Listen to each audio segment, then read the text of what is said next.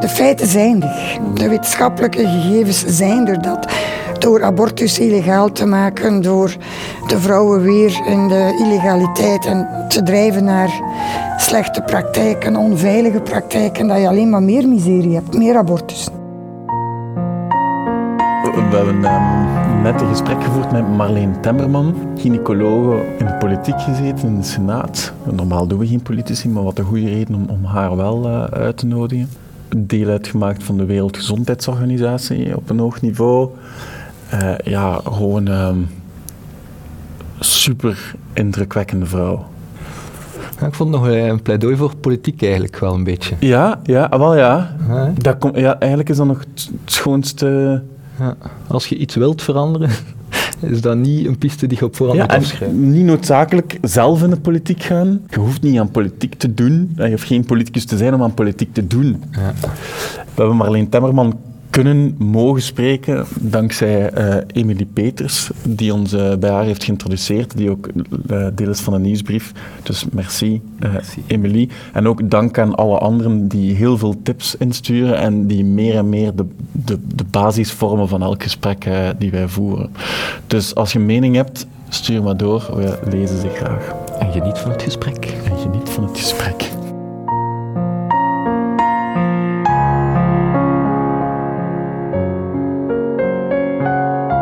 Was eigenlijk geïnteresseerd in economie. Politiek, economie, politiek, sociaal, economische wetenschap, dat was mijn passie.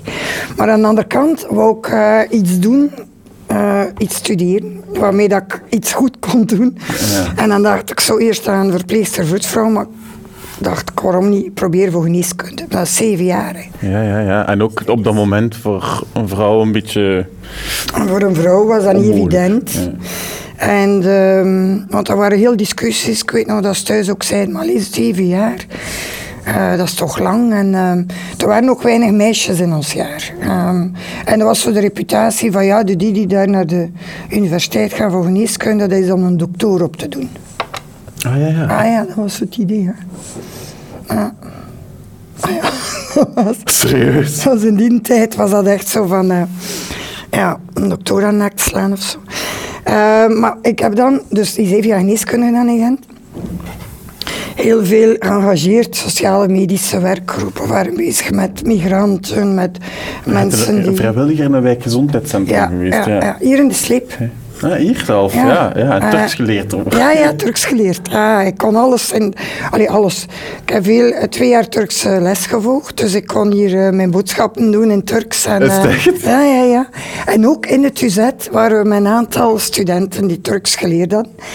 En die uh, dan de, de Turkse mensen hielpen met invullen van papieren. En want die mensen kwamen, ja. kwamen dan naar, naar de dokter of naar het ziekenhuis en dat is niet evident. Om in een andere taal en een ander systeem, dus wij gaven dan die bijstand. Dus ik heb dat meegemaakt en dan daarin gaan werken en dat is ook van fantastisch. Waarom? Uh, voel je betrokken bij, bij mensen die het moeilijk hebben in onze maatschappij om iets te kunnen doen. Gezondheid is meer dan afwezigheid van een ziekte. het is ook hoe leeft je? Iemand die arm is bijvoorbeeld, die heeft veel meer kans om ziek te worden. Heeft kortere levensverwachting dan iemand die middenklasse of hogere klasse is. Iemand die in een fabriek werkt of die geen. En er zijn een heleboel, wij noemen dat de sociale determinanten van gezondheid. En dat heb je hier in eigen land, dat heb je zeker in landen waar ze het minder breed hebben. En daar iets te kunnen aan doen, dat, was, dat vond ik fantastisch. En je bent als een stage gaan doen in Rwanda, ja. als je 22 was, denk ik? Dat was nog dat, eigenlijk een pre-stage, want uh, dat was na mijn vierde jaar geneeskunde. Dus stage, formele stage was helemaal maar in het laatste jaar. Ja. Maar ik wou absoluut al vroeger die ervaring opdoen. Dus ik heb dan gewoon gewerkte jobs gedaan voor mijn ticket te betalen. En, en via, via mensen, via een ontwikkelingsorganisatie en zo dan naar Boutari gegaan. Dus daar heb ik dan mijn eerste stappen gezet in de verloskunde, de kindergeneeskunde enzovoort. Heel veel geleerd en dat was echt mijn passie. Ja? Ja. Toen was het wel heel duidelijk dat ik echt uh, die richting uit wou en, en, en naar ontwikkelingslanden wou. Hoe voelde dat? Ja, omdat u... Hoe voelde dat? Ja, hoe voelde dat je goed voelt in een bepaalde richting die je kiest? Ehm, ik ehm, was van s morgens tot s avonds gepassioneerd door wat ik zag, wat ik deed, wat ik leerde. En de andere mensen die die weg ingeslagen waren, zo werkelijk van wauw, samen kunnen we iets doen. Hè. Eh, Gelukkig gewoon dan. Ja.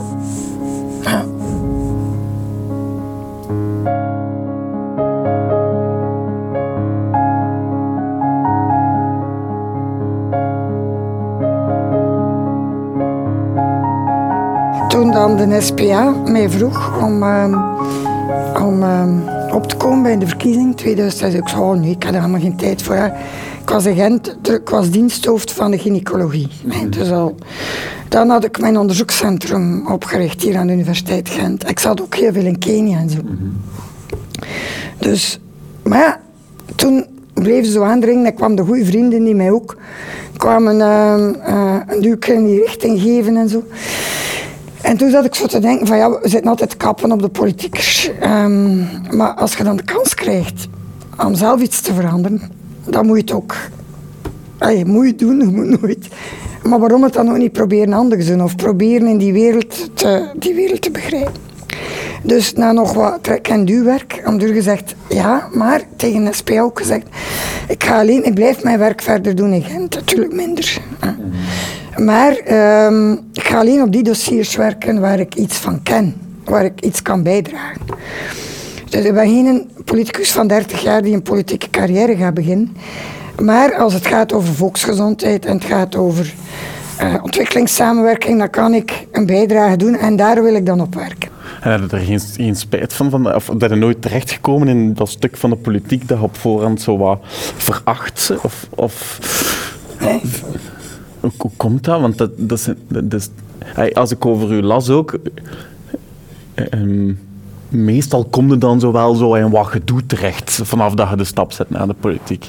En ik vond dat, ik vond dat opvallend als ik naar u zocht, dat ik zo, dat kwam dat niet tegen. Dus gelijk dat je daar zo wat, ja, Ja, het is niet altijd hoor. Pas op, het is niet dat je als je in de politiek gaat, dat dan nu allemaal olé olé en roze geur en maneschijn is. En, en uiteraard wat voor iemand zoals ik, het u aanpassen aan, aan partijpolitieke discipline is niet evident. Ja, maar je moet toch soms stemmen op, je moet toch Ja. soms stemmen op, op een manier dat je zelf niet wilt stemmen. Ja, maar je hebt ook het recht om niet te stemmen. Hè. Dan- Om je te onthouden. Ja. om je te onthouden. Natuurlijk, je moet die balans eh, vinden. En daarom moet je ergens een verhaal hebben dat... Ik denk, als je wilt 100% akkoord zijn met alle standpunten van uw partij, dan heb je een partij van één man en dat is uzelf. Ik bedoel, dat kan niet. Maar ineens komt dan het verhaal in het parlement van het rookverbod in de cafés. Ehm, Ah ja, dat werd dan op partijcongres wordt dat besproken. En wordt erover gestemd en dat was zo 50-50. Want er zaten ook veel rokers. Eh, toen zeker, nu is dat minder. Ook veel mensen van de horeca binnen ons eh, kiezerspubliek. Ehm, dus het was geen eenvoudige opdracht voor de, voor de SPA. En de opdracht van de partij kwam eigenlijk van eh, we gaan niet stemmen. We gaan ons onthouden. Of we gaan niet naar die commissievergadering gaan. Je kunt ook altijd weggaan uit de commissievergadering. Dan doe je niet mee. Het zijn zo van die dingen. Maar op dat moment was het... eh, en het voorstel kwam van de oppositie. Op dat moment ehm, belden ze mij. Ik zat in een andere, want die, die commissievergaderingen gaan tegelijkertijd door. Dus ik was in de commissie Buitenlandse Zaken toen ik gebeld werd. Met de vraag, kun jij komen naar de commissie Volksgezondheid? Want het is hier kantje boord. En we weten dat jij voor het verbod bent als arts. Kun je komen Wie, wie belde nu? iemand, niet van onze partij, van een andere partij. En dus ik ben gegaan en ben- ik heb meegestemd. Ik heb, omdat ik vond dat qua mijn taak als arts was om te zorgen dat dat erdoor kwam. Natuurlijk, dat is, Zijn er gewoon gegaan of had je eerst met de partij gebeld Nee. om te zeggen dat je ging gaan? ik had dat wel op voorhand gezegd. Dat ik, als, als er ging op aankomen om te stemmen, dat ik ging gaan en meestemmen. Maar natuurlijk, dat partij is dan boos, terecht. Ik bedoel, als iedereen, als je een bepaalde partijlijn hebt en dan gaan de mandatarissen zo vandaag een keer zo stemmen en morgen zo, dan heb je ook geen partij meer. hè. Bedoel, je kunt dat niet om de haverklap doen. Ik heb dat daar bewust gedaan omdat voor mij was dat probleem van volksgezondheid zo belangrijk dat het het partijbelang oversteeg. En ja, kunt daarover discussiëren, je kunt zeggen dat is verkeerd. Voor, tot een stuk ja, maar dan hadden ze mij niet moeten, uh, dan hadden ze mij niet moeten uh, uh, aantrekken. Dat was heel duidelijk op voorhand besproken met de partij, dat bepaalde dingen die de volksgezondheid schaden, dat dat voor mij een no-go was. En wat er ook zou gebeuren, dat ik zou stemmen voor dingen die belangrijk zijn voor de volksgezondheid. En wat gebeurt er dan daarna? En wat krijg onder voet natuurlijk. Van wie?